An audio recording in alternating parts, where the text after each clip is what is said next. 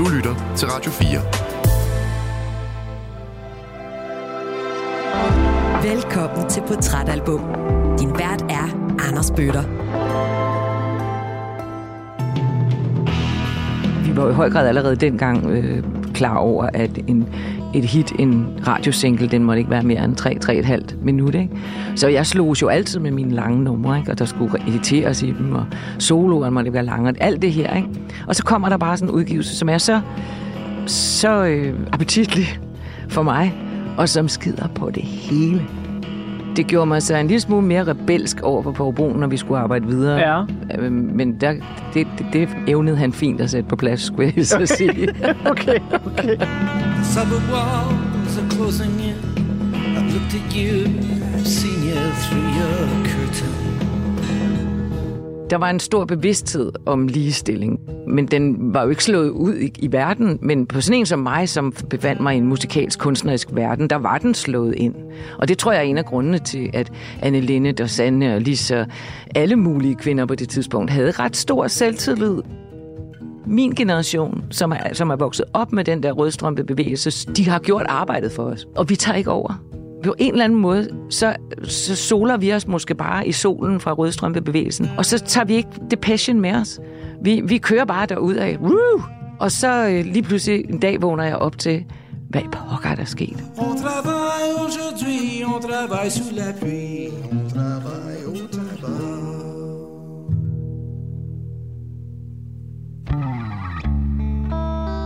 I den her uge, der skal vi prøve noget nyt i portrætalbum her på Radio 4. For normalt så er det jo sådan, at det album, som ugens gæst har valgt, ofte er et album, der er lavet af et band eller en solokunstner, som primært er kendt for den musik, som han, hun, hen, de har skabt.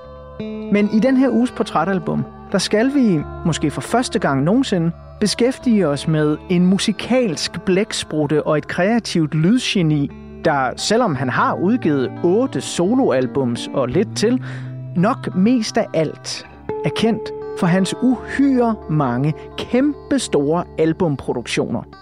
Det er for navne som blandt andet Senator O'Connor, Peter Gabriel, Neil Young, Bob Dylan og især U2. Et lille potpourri over nogle af de mange sange, han har produceret, kunne lyde sådan her.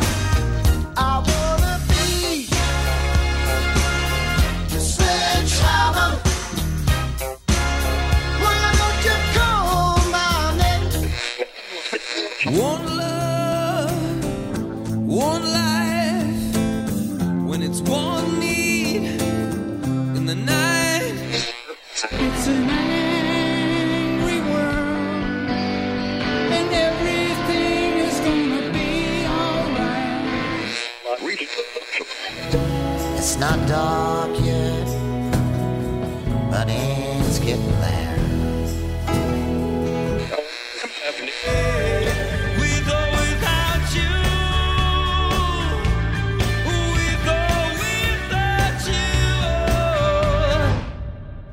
Men kanadiske Daniel Lanois er som sagt også solomusiker i sin egen ret. Og det kan man især høre på hans solodebut Acadie fra 1989, som er det album, som ugens portrætalbumgæst har valgt, når der skal tegnes et portræt af hende som musiker og menneske.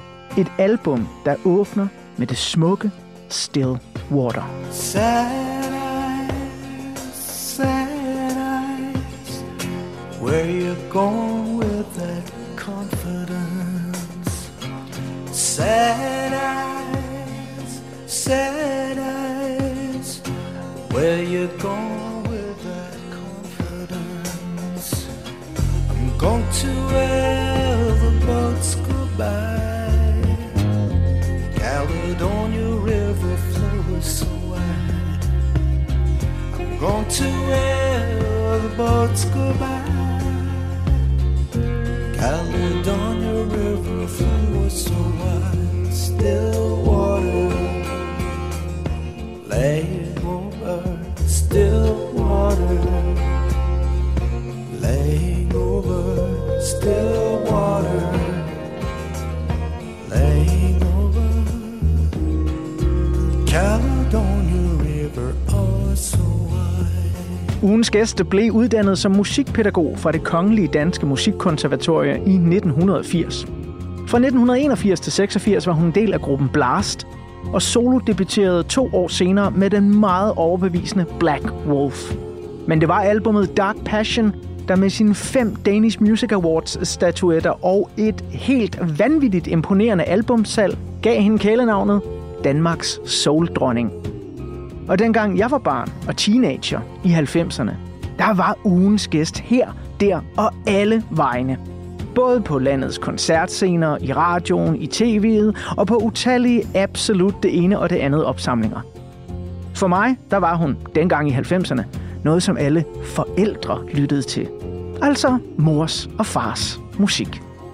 Men det ændrede sig med et trylleslag for mig, dengang jeg gik på efterskole, og ugens gæst indledte et samarbejde med en af dansk musiks enfant terribles. Samarbejdet med forfatter og musiker Martin Hall tog igen igen ugens gæsts lyd i nye retninger og gav hende, i hvert fald i min lille lukkede efterskole og senere gymnasieverden, et helt nyt publikum. Senere så fandt hun tilbage til sin gamle producer Paul Brun og udgav både med og uden ham en lang række nye soloalbums. Blandt andet det fremragende kreative comeback Between Dark and Daylight fra 2020, som blandt andet viste, at ugens gæst ikke længere behøver at bevise noget, men ganske enkelt laver super god musik, drevet af lyst og stor skabertrang. Og når ja, så er det da bestemt også værd at nævne, at hun igennem 8 år bestred en stilling som professor og prorektor på det Rytmiske Musikkonservatorium. Hun er i blandt de 10 mest vindende kunstnere nogensinde til Danish Music Awards, er den bedst sælgende danske kvindelige artist nogensinde, og har her i 2024 udgivet, hvad jeg kan tælle mig frem til, er godt og vel sit 22. album, Norwegian Recordings, hvor hun fortolker både nyere og ældre sange fra hendes enorme studie- og live-repertoire. Still wanna lay my body down. Still laying over Caledonia River far away.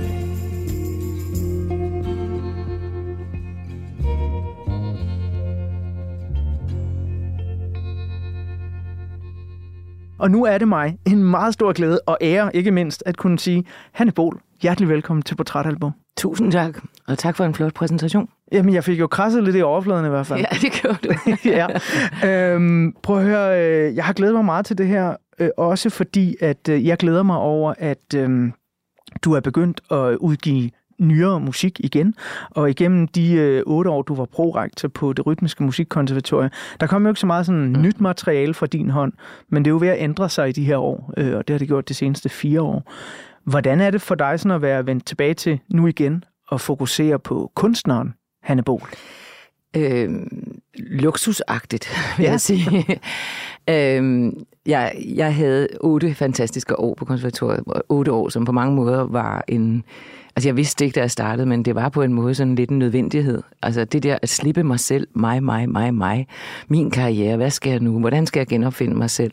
At kunne slippe det med god samvittighed, og så koncentrere mig om nogle andres øh, liv og levende og karriere og udvikling, øh, var en kæmpe glæde for mig. Men det var et overmåls, en overmålsansættelse, og da den løb ud efter, det må være maks 8 år, 5 år plus 3 år hedder det, så, øh, så kunne jeg også godt mærke, at øh, jeg skulle tilbage til mig selv igen. Og, og så øh, gik der jo ikke ret lang tid før, så... Altså jeg kom dårligt nok i gang med at være mig selv, før corona satte ind. Og corona var jo et benspænd for mange. Jeg kunne jo selvfølgelig mentalt sagtens være i det, fordi jeg har jo ligesom været der og gjort mit, men jeg så, at mange af mine unge kollegaer led i den der tid, ikke? og jeg må indrømme, at det var ved at være ved enden, der led jeg sgu også. Altså, jeg synes virkelig, det var svært at få udsat koncerter konstant. Ikke? Man vidste aldrig, hvornår og hvor. Øh, så jeg tog mig en lille slapper igen, men øh, nu er jeg back.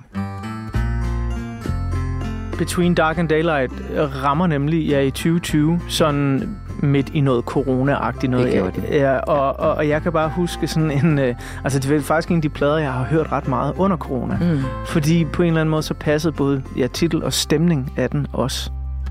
I throw away everything I have today and drink the wine. sheltered by your timeless grace. All I need is dust to dust, and the shadows move as though they.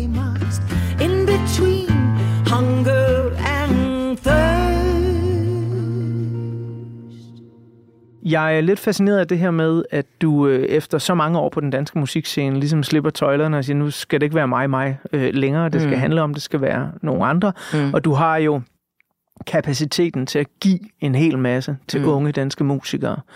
Men den rejse, du så var på i de otte år der, der må du også have fået en masse selv, og også mm. lært noget. Man lærer noget, når man giver fra sig. Hvad, mm. hvad har du lært? Jamen, jeg har lært så meget. Altså, jeg lærte, jeg lærte jo meget om, hvor, altså på en, på en eller anden måde fik jeg klasket lige op i hovedet, hvordan tiden virkelig har forandret sig. Det var ikke fordi, det var jeg jo godt klar over. Jeg var jo udmærket godt klar over, at fysisk, fysisk salg af, af LP'er og, og CD'er, det var øh, totalt gået ned ad bakke. Og streaming var den, og sådan nogle ting vidste jeg også godt. Jeg arbejdede selvfølgelig også selv digitalt med computerne, og lavede musik. Men at mærke den der sådan, øh, demokratisering, som det jo i virkeligheden er, øh, helt op i hovedet. At mine studerende kunne lave fantastiske ting hjemme i soveværelset overnight, og komme og spille dem for resten af sin klasse næste morgen. At de i høj grad var optaget af at uh, do-it-yourself uh, udgivelser og knoklede løs med det, og ofte, ofte løb lidt panden mod en mur, fordi det er altså ikke så enkelt, som man lige tror. Det gør jeg da bare selv. Men jeg kunne se på mine studerende, jeg, jeg, af samme grund har jeg faktisk ikke forsøgt at gøre det, for jeg så bare dem svede over, hvor besværligt det var. Det, ja, det er jo ikke nogen hemmelighed, at når, når jeg også taler med øh, unge musikere i de her år, så er det jo en sandhed, at der er kommet mange flere muligheder, mm. og enhver kan næsten ja, udgive sin egen musik på Spotify for eksempel, men det er jo så også så stort et hav, at der er virkelig fare for havsnød, og at man drukner Jamen. fuldstændig. Altså, der er både far for havsnød, bare fordi der er mange. Men der er også en anden far, som jeg øh, måske tænker lidt mere og mere over. Og det er, at dengang jeg startede med at lave øh, udgivelser, der var jeg jo nødt til at være kurateret af nogle andre. Der var nogle andre, der var nødt til at betale for, at jeg kunne gå i studiet, for jeg havde ikke råd til at lege et stort Øh, optage studie. Så jeg var afhængig af, at nogen synes, jeg var noget værd. Men det betød også, at jeg blev øh, kritiseret. Jeg fik masser af modstand. Altså, jeg blev tit og ofte sendt hjem i seng igen med en besked om, at omkvædet lød røven til, eller at teksten godt kunne oppes, eller at den akustiske guitar var for nemt sluppet, eller hvad man nu øh, Øh, kunne få af kommentarer, som i øjeblikket var utrolig øh, deprimerende at få, men som jeg øh, lærte at sætte meget pris på, og, og, og, og holde panden højt mod, fordi jeg kunne mærke, at det var rigtigt. På den måde blev det også sorteret i mit materiale. Ikke? Jeg kunne godt komme med 20 ting, og inden dagen var omme, så var der 8 tilbage, eller 4 tilbage. Altså, det var, jeg havde en producer, der var meget hård ved mig, ikke? men altså, tak for det. Ja, ja. Fordi, fordi at, at det, jeg synes, der lidt også sker i øjeblikket, det er, at ude i det der havsnød, der ligger også nogle ting, som har nogle rigtig gode takter. Og, og der er måske noget af det, der er skide godt, men det er bare ikke gennemarbejdet nok. Af to årsager. Dels, at der ikke er modstand, og dels, at der ikke er penge nok. Ikke? For var der bare penge nok til, at man kunne satse lidt højere, så tror jeg også, at mange øh, artister i Danmark af de yngre ville være kommet længere. Også ud over landets grænser. Og det, det, er, en af, det er en af mine kæpheste nu, det er virkelig, at vi bliver nødt til at, at få lavet en ordning for hele det, det musikområde, jeg tilhører, hvor, hvor man kan ligesom filmstøtte øh, gå ind og søge en pulje og få arbejdsro og iværksætterstøtte og arbejdsro til først en, en, en, en et demo af det og derefter en indspilning. Altså fuldstændig som filmfolkene gør. Fordi undskyld mig, der bliver brugt så mange penge på museal klassisk musik, som jeg også elsker, men som får så mange flere penge, end der, hvor der lige i øjeblikket er en rivende udvikling. Så det er sådan noget, jeg går lidt og tænker over. Det er dejligt at mærke, at man ved en lille gnist kan tænde et flammende hav i Annebo Pas, pas på, jeg kan blive ved. Men det er også lidt symptomatisk for noget af det, vi skal snakke om, fordi det album, du har valgt, Acadie af Daniel Lanois, mm. det er jo et album, som, ja, når det nu er lavet af en af sin generations bedste producer, jo også lyder godt. Mm. Og meget af det, synes jeg, er mangel på bedre. Jeg kan ikke helt definere mit eget udtryk, men det lyder dyrt. Det, det lyder som om, det er indspillet et rigtig godt sted, med nogle rigtig gode musikere. Og vi hørte jo lidt af nummeret Still Water i uh, introen her, og jeg tror, når man hører den tilbage i 1989, så lyder det både friskt, øh, meget dragende, øh, spændende endda. Nu øh, ved jeg, at du lige har, har hørt lidt af albummet, sådan, inden vi skulle mødes. Mm. Her i 2024 lyder det stadig frisk og dragende ja, og sådan det- lidt mystisk. Altså, det, det, jeg, jeg er dybt forundret. Det synes jeg faktisk, det gør. Jeg, altså, jeg vil sige, at dengang var det en stor helhed, der slog mig, øh, altså der virkelig skubbede mig i stolen. Ikke? Det var hele, det var lyden, det var instrumenteringen, det var det der, altså, at der inde i, i nogle forholdsvis simple sange lå det der noise spekter i os, altså var jo nyt for mig. Rytmikken, altså trommespillet, satte jo helt nye øh, ting i gang i hovedet på mange. Øhm, og når jeg hørte det nu, så hørte jeg det på en lidt anden måde, men jeg hørte det stadigvæk med store ører. Stor interesse for lagene af guitarroller, der, der er plads til, selvom det lyder transparent. Selvom vokalen står fuldstændig lige op i bæret på os, så er der så meget nede bagved. Og det lyder ikke, altså 89, ikke? det er året efter, jeg laver Black Wolf. Og vi er jo godt i gang. Og på det tidspunkt, der laver vi jo analog. Det må han jo så også have gjort. På den næste plade, øh, Dark Passion, for mit vedkommende, der begyndte det digitale at komme ind. Men, men øh, der var jo bare en... Jeg følte en stor afsmag af 80'erne i mig. Jeg kan faktisk ikke høre 80'erne i Lanois. Nej, det kan jeg nemlig heller Nej. ikke. Og, og det er måske det, jeg blev så fascineret af. Ja, og det, det er virkelig, når, når jeg... Øh, altså, jeg, jeg kan godt høre på den her plade, og vi vender tilbage til, hvad han har produceret, og hvordan han selv laver sin egen musik øh, lidt senere.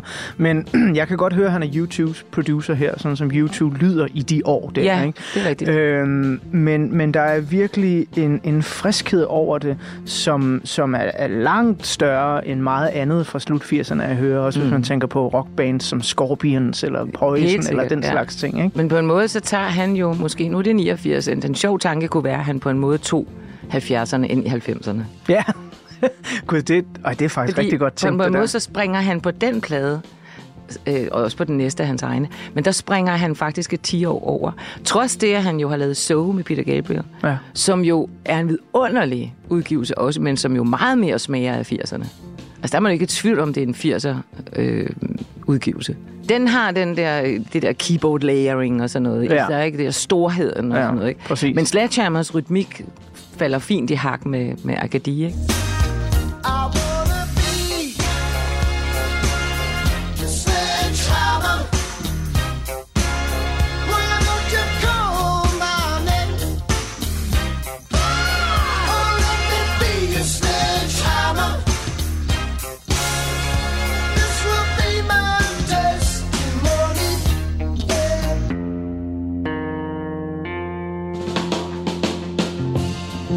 Er lige om lidt så ved at bladre op på øh, den første side på Træt-albummet, hvor vi lander i 1989, året øh, hvor du øh, fylder 32, ja. så vidt jeg har regnet mig frem til. Og øh, inden jeg kommer så langt, at vi gør det, og vi lige kigger på et billede af dig i den tid, så skal vi lige høre øh, The Maker.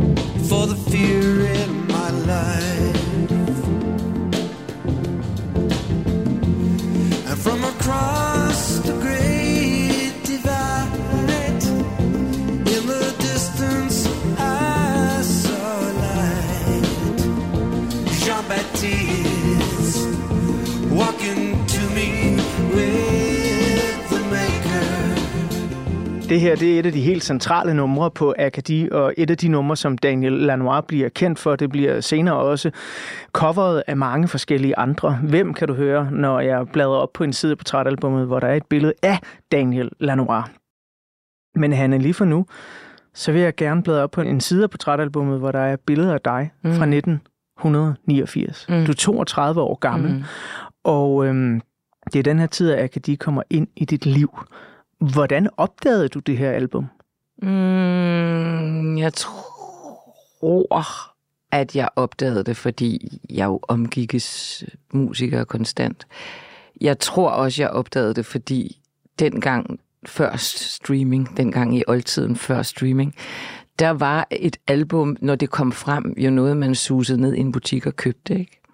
Og når man havde købt et album og vandret hjem med det og sat det på, så hørte man det fra ende til anden flere gange og spillede for sine venner og fortalte sine venner om det. Ikke? Og jeg tror, at på den måde så var der var mindre at tage af på en eller anden måde. Det var nemmere at følge med. Og derfor så blev jeg også, jeg kan mærke det på de album, som jeg har har fået som måske før begyndelsen af 90'erne, eller købt før for 90'erne, dem kender jeg vældig godt. Og selv vinyler, jeg har købt i senere tid, som jeg holder meget af, kender jeg altså dårligere. Ja. Jeg kan fx ikke huske rækkefølgen på sangen og sådan noget på albumet. Det kan jeg på de der tidligere ting. Ikke? Så jeg tror bare, det er word of mouth. Altså. Da du øh, så sætter den her vinyl på, øh, ikke nødvendigvis den første gang, men hvis vi lige ser et billede af dig, hvor du øh, går og hører den her vinyl, sidder og hører den her vinyl, hvad mm. du nu laver, hvad er det for noget musik, der rammer dig i 1989? Det er øh, noget musik, som er så frægt i sin blanding af... Altså, der er så mange blandede ting. Der er sprogblanding. Altså, det var det var, tror jeg, var, jeg opfattede som, det var et no-go på det tidspunkt. Ikke? Man sang på engelsk, eller man sang på dansk, eller man sang på fransk. Men her kom en mand, som blandede sprogene af gode årsager, for han er fransk-kanadisk og har to sprog fra sin barndom. Han blander dem ikke bare som en sang på fransk og en på amerikansk, eller på engelsk. Han synger dem også den samme sang på to sprog samtidig, eller på samme take på det tidspunkt, der er der meget, meget keyboardmusik. Altså meget musik er styret af keyboards. Gitaren er øh, heltegitaren. Altså det er de mm. store soloer frem på catwalken, der ligesom er gitarens rolle mere end noget andet. Ikke?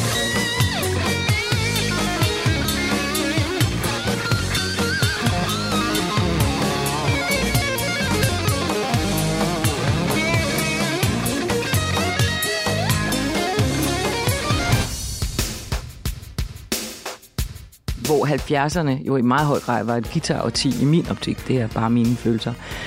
Så bliver 80'erne et keyboard, og 90'erne jo også et keyboard og 10. Og så har jeg selv lige lavet en plade i 88, og der øh, har vi en hel del guitar på, og faktisk også leger med både øh, slide og med, med, med øh, akustisk og sådan noget. Så det er ikke fordi, at jeg ikke har arbejdet med guitar.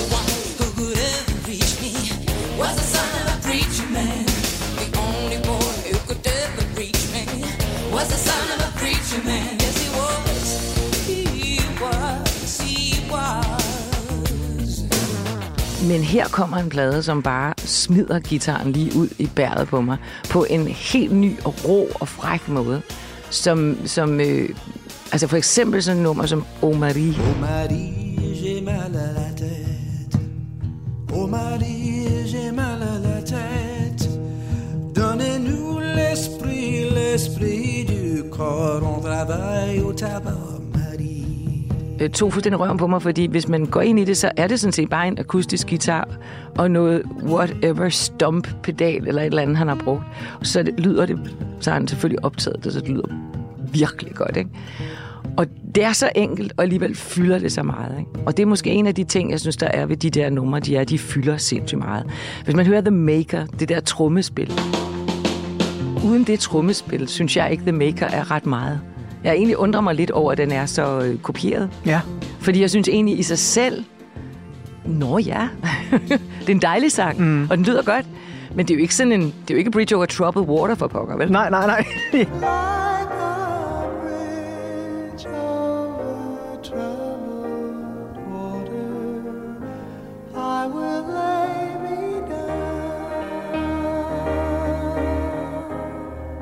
Men jeg tror, at folk bliver snydt af, at det der sådan, trommespil er meget den sang. Ikke? ja. Der er så meget identitet i det arrangement. ja, og så meget følelse. Utrolig meget. Og han synger den lækkert på Ja. sådan en, på sådan en u, u, hvad hedder, skal vi sige, en afslappet måde. Ikke?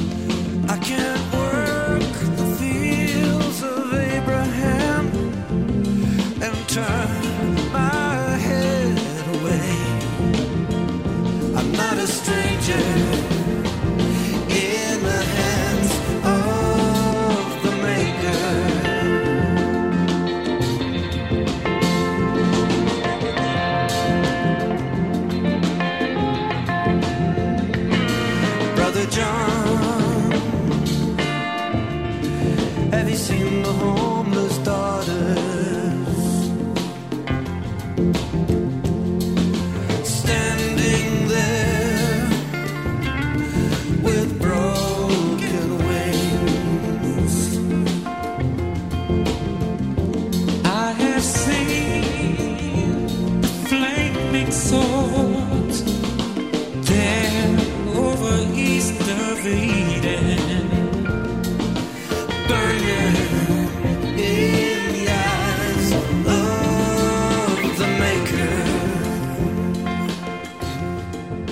Jeg er jo også lidt øh, nysgerrig på, når vi nu har bladret op på den her side på portrætalbummet, hvor der er billeder af den 32-årige Hanne Bol. Øhm, du har været med i bandet Blast, som mm. jeg kan svagt huske fra, at jeg var barn, fordi vi så den koncert, der hedder Rock for Afrika-koncerten, Ah, ja, ja. Hvor, hvor Blast øh, blandt andet var med. Baby,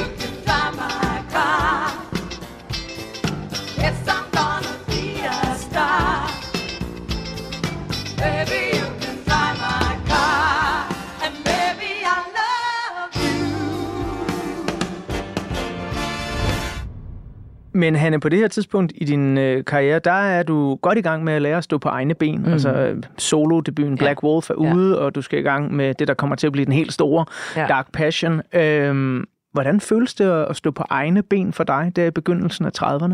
Mm, scary. Altså, jeg havde jo ønsket mig det og kæmpet for det, fordi jeg havde sunget i Blast, hvor vi var tre, der sang. Jeg havde sunget kor for Gud og hver mand, både i studie og live. Og jeg havde snakket med rigtig mange øh, øh, hvad hedder det, pladselskabsfolk, som altid sagde, nu Hanne, nu skal du også snart lave en plade. Og så sagde jeg, det vil jeg sørme gerne. Har du noget materiale? Ja, det har jeg da. Og så sagde jeg til, til dem, men øh, det er på engelsk. Så sagde de, det kan vi ikke, fordi nu er vi i en tid, hvor man synger på dansk i Danmark. Aha. Så jeg havde virkelig fået mange sådan øh, tommelfingre nedad. Kom tilbage, når du, når du vil synge på dansk, sagde de. Men så stødte jeg så ind i Paul Brun, der, øh, der hørte nogle demoer, og, og ikke ville signe mig, men han ville godt give mig noget studietid. Det, det vi talte om før, det her med at blive kurateret af nogen. Det betød så, at jeg, og på det på daværende tidspunkt, den producer, jeg arbejdede sammen med, eller den, min, min partner var, hed Morten Wulf, vi to, vi fik så det tilbud, at vi kunne få medley-studiet nede på Vesterbrogade, øh, når andre ikke brugte det. Det vil sige søndag og nætter. Mm-hmm. Men vi skulle selv finde ud af at køre det. Og et analog studie med mange spor, det var fuldstændig sindssygt. Vi anede ikke, hvad vi lavede. Så, men vi fik lov til engang med at kalde noget hjælp ind, ikke? og vi helt ubehjælpsomt tøvede vi i gang der, ikke? og rev håret ud af hovedet på os selv for at gøre det. Så jeg havde haft meget hands-on i den plade. Jeg havde virkelig været i studiet ved hver en enkelt lyd, der blev optaget der, der sad jeg derinde. Ikke? Det var en lidt ny lyd, som mange af de musikere, som kom ind for at spille en enkelt guitarrolle, de endte med at hænge fast. Til sidst så var vi sådan, da vi lavede den færdig, var vi ofte mellem 5 og 10 musikere i studiet, som bare kom for at hænge ud og sige lidt tamburin her og ding ding eller en bas der. Sådan helt åbent. Fantastisk stemning. Så jeg havde egentlig ikke følt mig særlig alene. Det var det, jeg ville frem til. Det havde jeg faktisk ikke. Der, hvor jeg begyndte at føle mig alene, det var, at jeg opdagede, at der er noget, der hedder at være bandleader. Ja. Og, øh, og en bandleader, som lige pludselig ikke har et band, men som er en økonomisk arbejdsgiver. Der opdagede jeg, at jeg var alene. Og det er egentlig første gang. Fordi indtil da, synes jeg hele tiden, at jeg havde været i teamwork. Og lige pludselig stod jeg alene. Og det synes jeg var, det opdagede jeg et halvt år inde i 89, hvor jeg var begyndt at spille koncerter, og hvor koncerterne gik fra et lille bitte øh, i Odense job til øh, grøn turné sommeren efter. Øh, øh, det, blev bare, det rullede bare så hurtigt fra lille til kæmpe stort. Ikke? I got so much on my mind. And I don't wanna be alone. I believe that everybody's special. I got a mind of my own. I øh, del 2 af ugens udsendelse, der kommer jeg til at tegne et lille portræt af året 1989, og der skal vi høre lidt fra den danske musikscene. Ja, og bare for at understøtte noget af det, Ja. du siger med, at jamen, alt skulle være på dansk. Ja. I det år, der er det øh, Anna Linnet, øh, jeg er jo lige her. Alting kan gå i tu Et hjerte kan gå i tusind stykker Kaldte du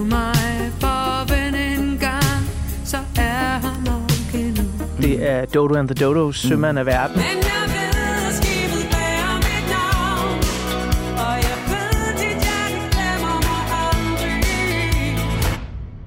Og så kommer Hanne Bol mm. øh, med sin øh, Black Wolf der i øh, 88. En ting er jo at være bandleder og være alene på den måde, men altså pladeselskaberne og kuratorerne og producerne har jo også ret i, at det er en stærk tid for dansksproget musik. Helt sikkert. Så følte du dig også alene med det kunstneriske udtryk, du havde på det tidspunkt? Helt sikkert, men det kan jo også noget. Ja. Det var ikke en dårlig følelse. Det var faktisk en meget fed følelse, synes jeg. Jeg var ligesom, Nå, men nu tager jeg den her fane højt. Ikke? Ja. Og jeg var ikke et, et øjeblik i tvivl. Jeg vidste, at jeg ikke skulle synge på, på dansk. Altså, det, det var jeg slet ikke, interesserede mig slet ikke. Øhm, så nej, jeg følte tværtimod en energi i det. Der, der hvor det blev svært, det var så, da, da, så, da så vi havde fået lov til at få den her fri tid i studiet efterhånden var kommet dertil, hvor Forbrugen også gav os lidt mere nattid, men begyndte at give os nogle dagtider, for at vi kunne blive færdige og få det mixet og sådan noget. Så, øh, så var det ligesom om, så, var jeg, så følte jeg også lidt, at nu ville Medley Records dengang, som var pladeselskabet, de ville jo så nok også tage den til sig, for det havde de ikke lovet. De havde ikke lovet mig noget. De ville bare gerne sætte mig i gang, og det var jo dejligt, sådan set. Og der, øh, der mærkede jeg hos Paul Bruns partner, der hed Michael Ritu, som var ham, der sad lidt på slanterne på det der selskab der, der mærkede jeg en mistillid til, at jeg kunne lykkes med det her. Så da, da jeg sådan begyndte at spørge lidt, om man eventuelt kunne få et lille forskud, øh, fordi jeg havde jo ikke kunne tjene en krone, jeg havde siddet i studiet konstant, og jeg var enlig mor, og det hele var lidt svært, så fik jeg en lukket dør. Hej Michael, men det gjorde du altså. Øh, lige i hovedet. øhm, fordi det, han, han, han troede ikke på det nok. Så der havde jeg virkelig et stykke tid. Jeg havde også haft en, en meget, på derværende meget kendt øh, anmelder for Berlingeren, inde i studiet den dag, vi præsenterede musikken, som havde forladt studiet i vrede. Åh oh, nej. Så jeg gik kun og ventede på at få rigtige møgeanmeldelser. Og det gjorde han, fordi at han syntes, at Son of a Preacher Man, den kunne man ikke tage fra Dusty Springfield. Det var, øh, det var øh, Guds bespottelse. Wow. Jimmy Ray was a preacher's son when he started with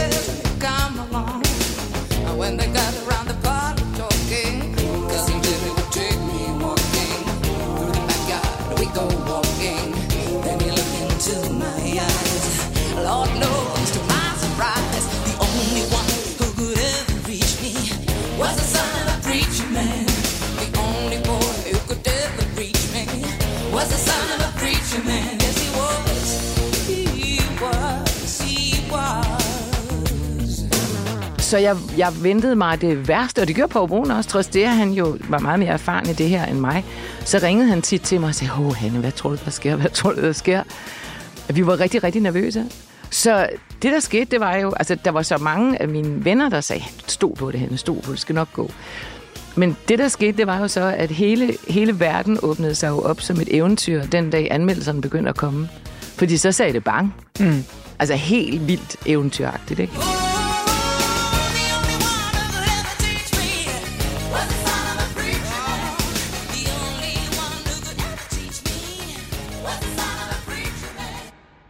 Inden jeg bladrer op på den næste side og øhm, tegner et lille portræt af Daniel Lanois, så vi lige kan blive lidt klogere på, hvem han egentlig er og, og hvad han laver op igennem sin karriere, så er der et spørgsmål, der for mig som musikfan og musikformidler øh, trænger sig lidt på, fordi jeg synes, at nogle af mine favoritproducer, nogle af de allerstørste, øh, Rick Rubin, Brian Eno, øh, også Daniel Lanois for den sags skyld, udover det her med at være producer, som jo kan være den, der sidder og skruer på nogle knapper eller giver en retning, så er de nemlig også, især en som Rick Rubin, kurator på mm. en eller anden måde. Meget.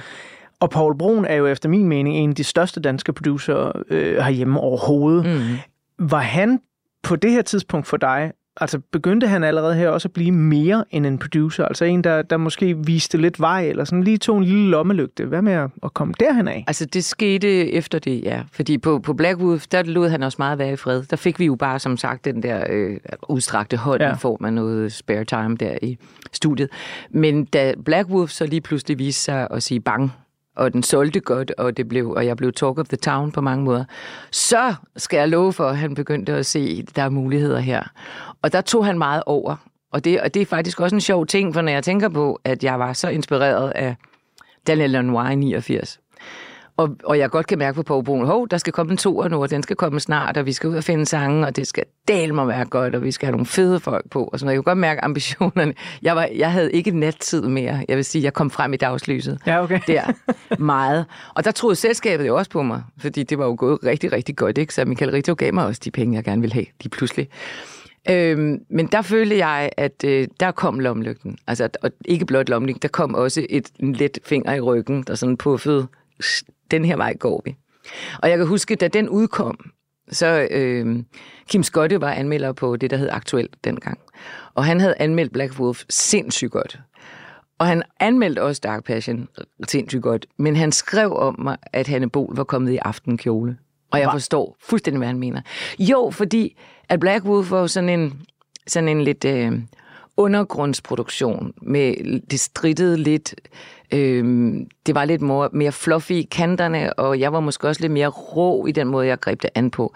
Da Dark Passion kom, så skulle vi ud og ramme verden. Ja, okay. Så på den måde synes jeg faktisk, at han havde ret, hvad han så helt mente med det. Men jeg forstod godt, at jeg på en måde måske kunne lyde, som om jeg havde smidt de ni- nittebukserne Ja. og hoppet i en kjole. Altså, jeg er helt med på, hvad han mener. Ja. Og det kan man jo se tilbage på og sige, hvad var der sket, hvis Poul Brun ikke havde været der med fingeren i ryggen og styret mig afsted den her vej. Det kom han til at gøre også meget, fordi han jo kuraterede sange. Og nævner Rick Rubin, og sådan set også Lanois på, øh, hvad hedder hun, øh, Emmylou Harris. Ja.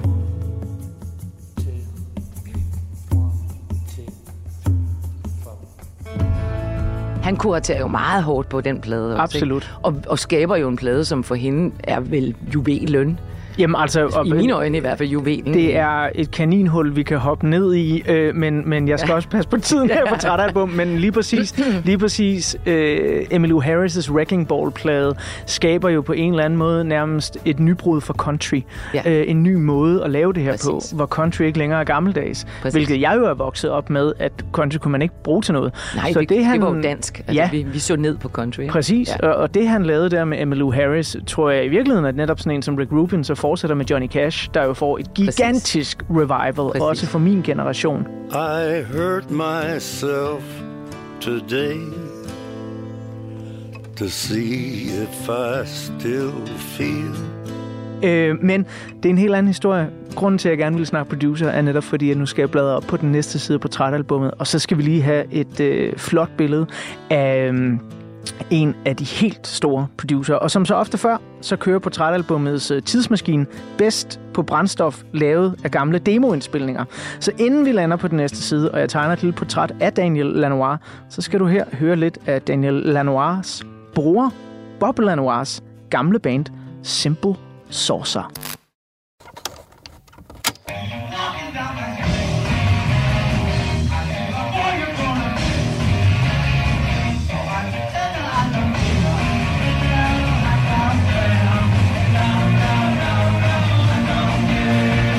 Daniel Lanois blev født i Quebec, Canada i 1951.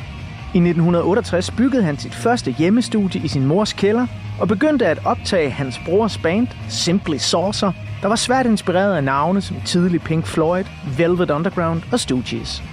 10 år senere udgav de deres punkede debutsingle, She's a Dog.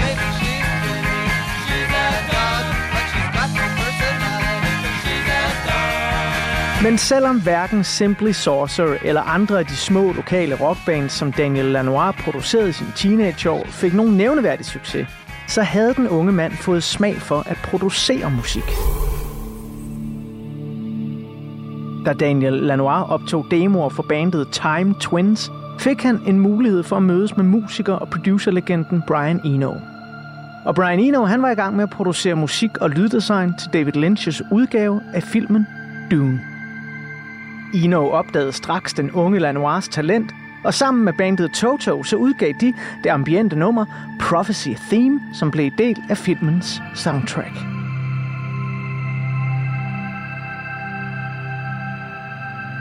Mødet med Brian Eno skulle blive helt afgørende for Daniel Lanois. Eno inviterede ham nemlig med til at koproducere U2-albummet The Unforgettable Fire.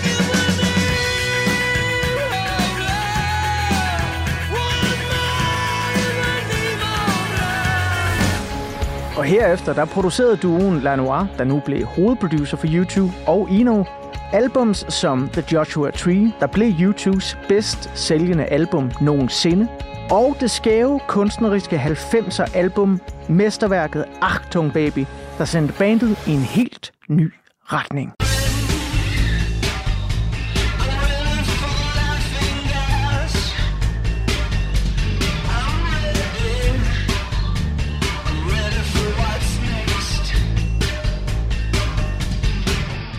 Samt selvfølgelig en række af U2's senere albums, som jeg også nævnte i begyndelsen af den her første del af ugens portrætalbum. Jamen så var der mange Daniel Lanois-produktioner, hvor han har slået sit navn fast som producer. Blandt andet for Peter Gabriel, Bob Dylan, Neil Young, Emmylou Harris og Willie Nelson, der til og med har lavet en smuk coverversion af nummeret The Maker. I run a twisted line. I'm strange in the eye of the maker. Men nu skal det altså ikke handle mere om Daniel Lanois talenter som producer, fordi han er jo som sagt også musiker i sin helt egen ret. Og han har igennem årene udgivet otte meget varierende soloalbums, deltaget i et væld af samarbejder, komponeret soundtracks og lavet musik til store computerspil, som eksempelvis Red Dead Redemption 2 fra 2018. Her gæster både Willie Nelson og Josh Homme fra Queens of the Stone Age, og Daniel Lanois selv leverer smukke, stemningsmættede vokaler.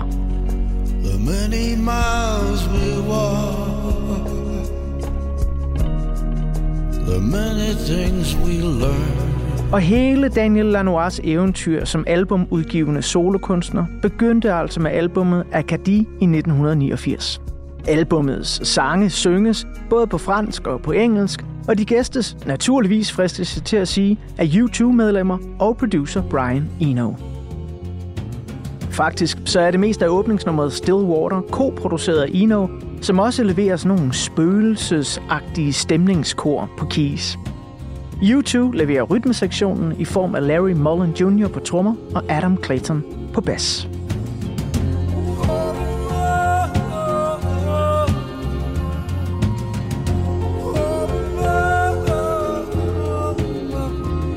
Daniel Lanois familiestamtræ kan spores tilbage til den oprindelige befolkning i Nordamerika. Den del af Nordamerika, som i dag er en del af Kanada. Området var efter sigende en fransk koloni fra 1700 til 1800-tallet og blev kaldt Arcadia, eller på fransk, Acadie. Men hvad er Acadie så egentlig for et album? Jo, prøv lige at holde på hat og hijab, når min lyddesigner og klipper Emil Germod og jeg lige lynhurtigt tager dig igennem nogle af de audio-universer, der findes på den her fantastiske udgivelse. Akadi har, som fortalt, store ambient flader.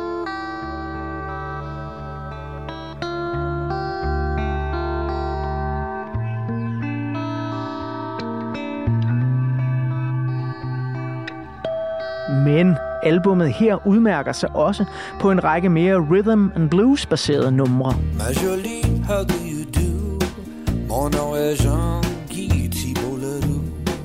nogle af numrene er også meget cinematiske, ja næsten storladende. Og her, der lyder Daniel Lanois måske lidt som U2, alt imens han nogle gange synger så tæt på Bonos vokal, at jeg faktisk troede i starten, at Bono var med på albummet.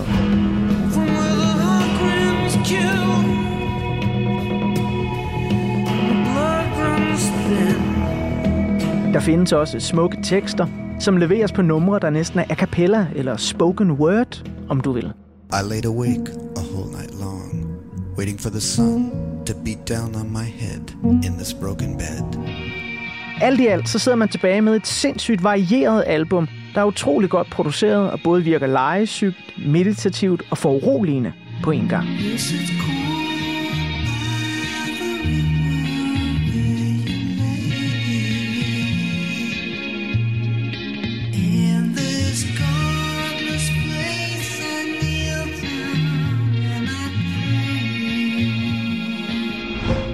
Daniel Lanois er stadig enormt produktiv.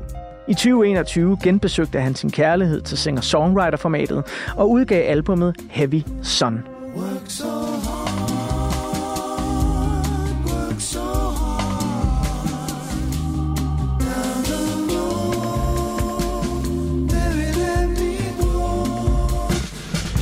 Og i 2023 udkom det langt mere eksperimenterende ambientværk Flesh and Machine.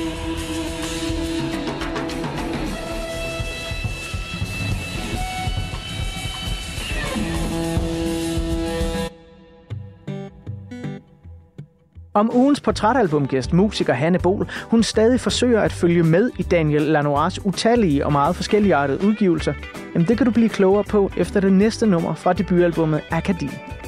Da vi talte i telefon sammen, så fik jeg fortalt, at Hanne Bol, hun også elskede de små franske sange på albummet. Og dem skal vi have en af her. For nummeret Under a Stormy Sky er et af dem, hvor Daniel Lanois både synger på engelsk og på fransk. Et bébé, danse avec moi ce soir au fait dodo. Danse avec moi, bébé, under a stormy sky. Papa, il a vendu la terre, la terre et la vache. Danse avec moi, bébé, oui, under a stormy sky. Jean-Paul, il joue le violon, la belle accordéon. Danse avec moi, bébé, on the stormy night. I hear the whippoorwill cry. I see the blue heron fly over Sugar Hill, snowy white,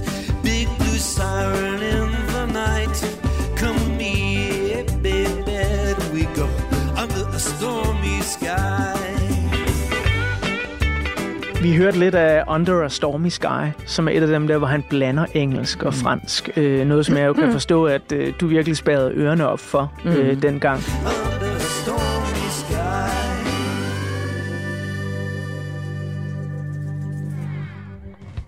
Akadi virker på mig, når jeg dykkede ned i den, som sådan den perfekte introduktion til den musiker, som Daniel Lanois, han skal udvikle sig til at blive, øh, fordi han har lavet virkelig forskelligartet musik, og den her plade har også virkelig mange forskellige udtryk.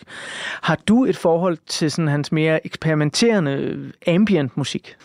Ja, lidt. Det har jeg. Altså, ikke så meget som, som hans produktioner og de der soloplader, hvor han er mere singer-songwriter. Men jeg har lidt. Og jeg, jeg kan sige, at jeg har været til et par koncerter med ham Ja. i København. Og øh, han har virkelig inspireret mig meget, fordi så kommer han med Derek Johnson og Brian Blade på trommer, og så dør man bare lidt, fordi det simpelthen svinger så fantastisk. Så gør han noget andet. Han, han tager jo risik, risici, altså han, han er risikovillig. Så han, man kan sådan mærke, når han spiller, at han stiller sin forstærker lidt ud af kontrol. Og så ser han, om han overlever og kontrollerer den i det næste nummer eller ikke. Altså sådan opfatter jeg ham. Ej, hvor fedt. Og det gør lidt, at hver andet nummer lyder måske ikke så godt. Men så lyder det næste fuldstændig fantastisk.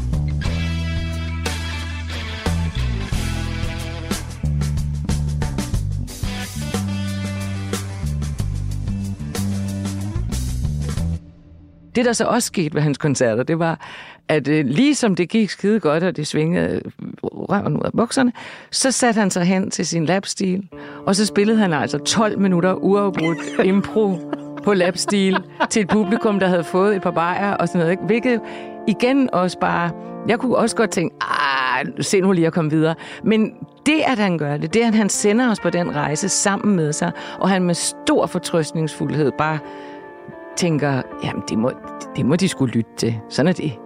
Det synes jeg, altså det, det, har været, det har jeg faktisk tit tænkt på. Jeg, jeg tror, jeg nogle gange har gjort lidt det samme, uden at være lige så selvsikker, som han virkede. Men bare det der med, det, det skal ikke være fløde alt sammen. Nej, nej, nej, det skal det ikke. Det synes jeg er vigtigt. Det skal også have noget, der knaser. Ja, dramaturgi er vigtigt. Det er vigtigt, at folk ikke hele tiden får det, de tror, de skal have. De skal også have nogle gange det, de gerne vil have. Det er jeg helt med på. Men, men øh, den der vekselvirkning mellem en guitar, der gik amok, og man tænkte, at det klarede han jo slet ikke det nummer. Han ødelagde det jo. Så glemmer man det i det næste nummer, for så lød det så fedt, ikke? Så man havde glemt fuldstændig, at han havde ødelagt et eller andet nummer. Det der at være så risikovillig over for et publikum, øh, sagde mig en masse ting. Det handler jo også om tab af kontrol. Præcis. Og det tror jeg faktisk er en af hans, øh, det er et af hans kerne, øh, hvad skal vi sige, en af hans kerneevner. Ja. Det er, at han, han kan det, han gør det, og han ved, at han gør det.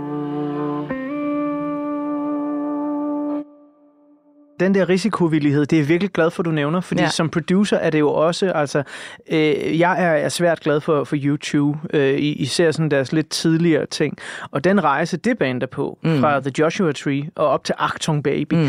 er jo vel et af de største skifter i den moderne musikhistorie. Ej, det må man sige, ja. Altså, det er helt vildt, ikke? Og der tænker jeg også bare, det er nemlig risikovillighed. Ja. At man ligesom siger, okay, vi vil gerne lave den her plade. Selvfølgelig er der også nogle, nogle sådan rimelig regulære sange på den plade. Uh, One er jo sådan en af de mest spillede, de overhovedet har lavet. Ja. Og sådan noget, ikke? Men, men der tænker jeg også bare, at jeg forestiller mig netop en risikovillig producer er god at have med på sådan ja. en rejse der. Altså, der kan du så kigge på Neil Young. Det her Neil Young lavede med, Brian, med, med, med uh, Lenoir. It's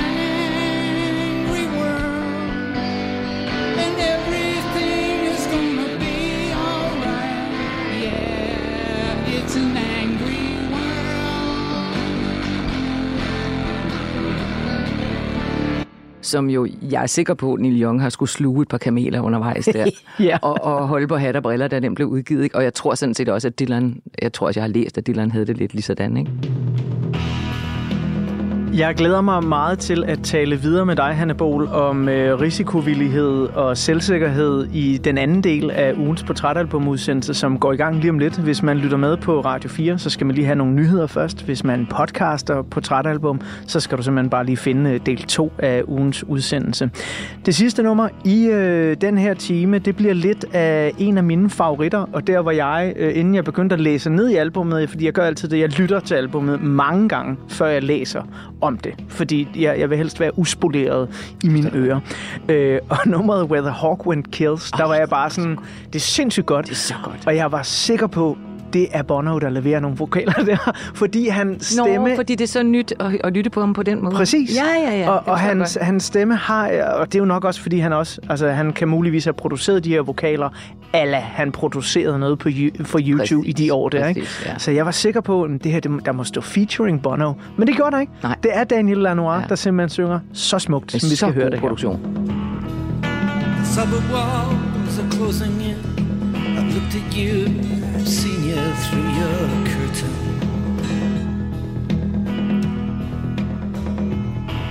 With a naked eye from not far, I've shed a tear for you, a flowing fountain.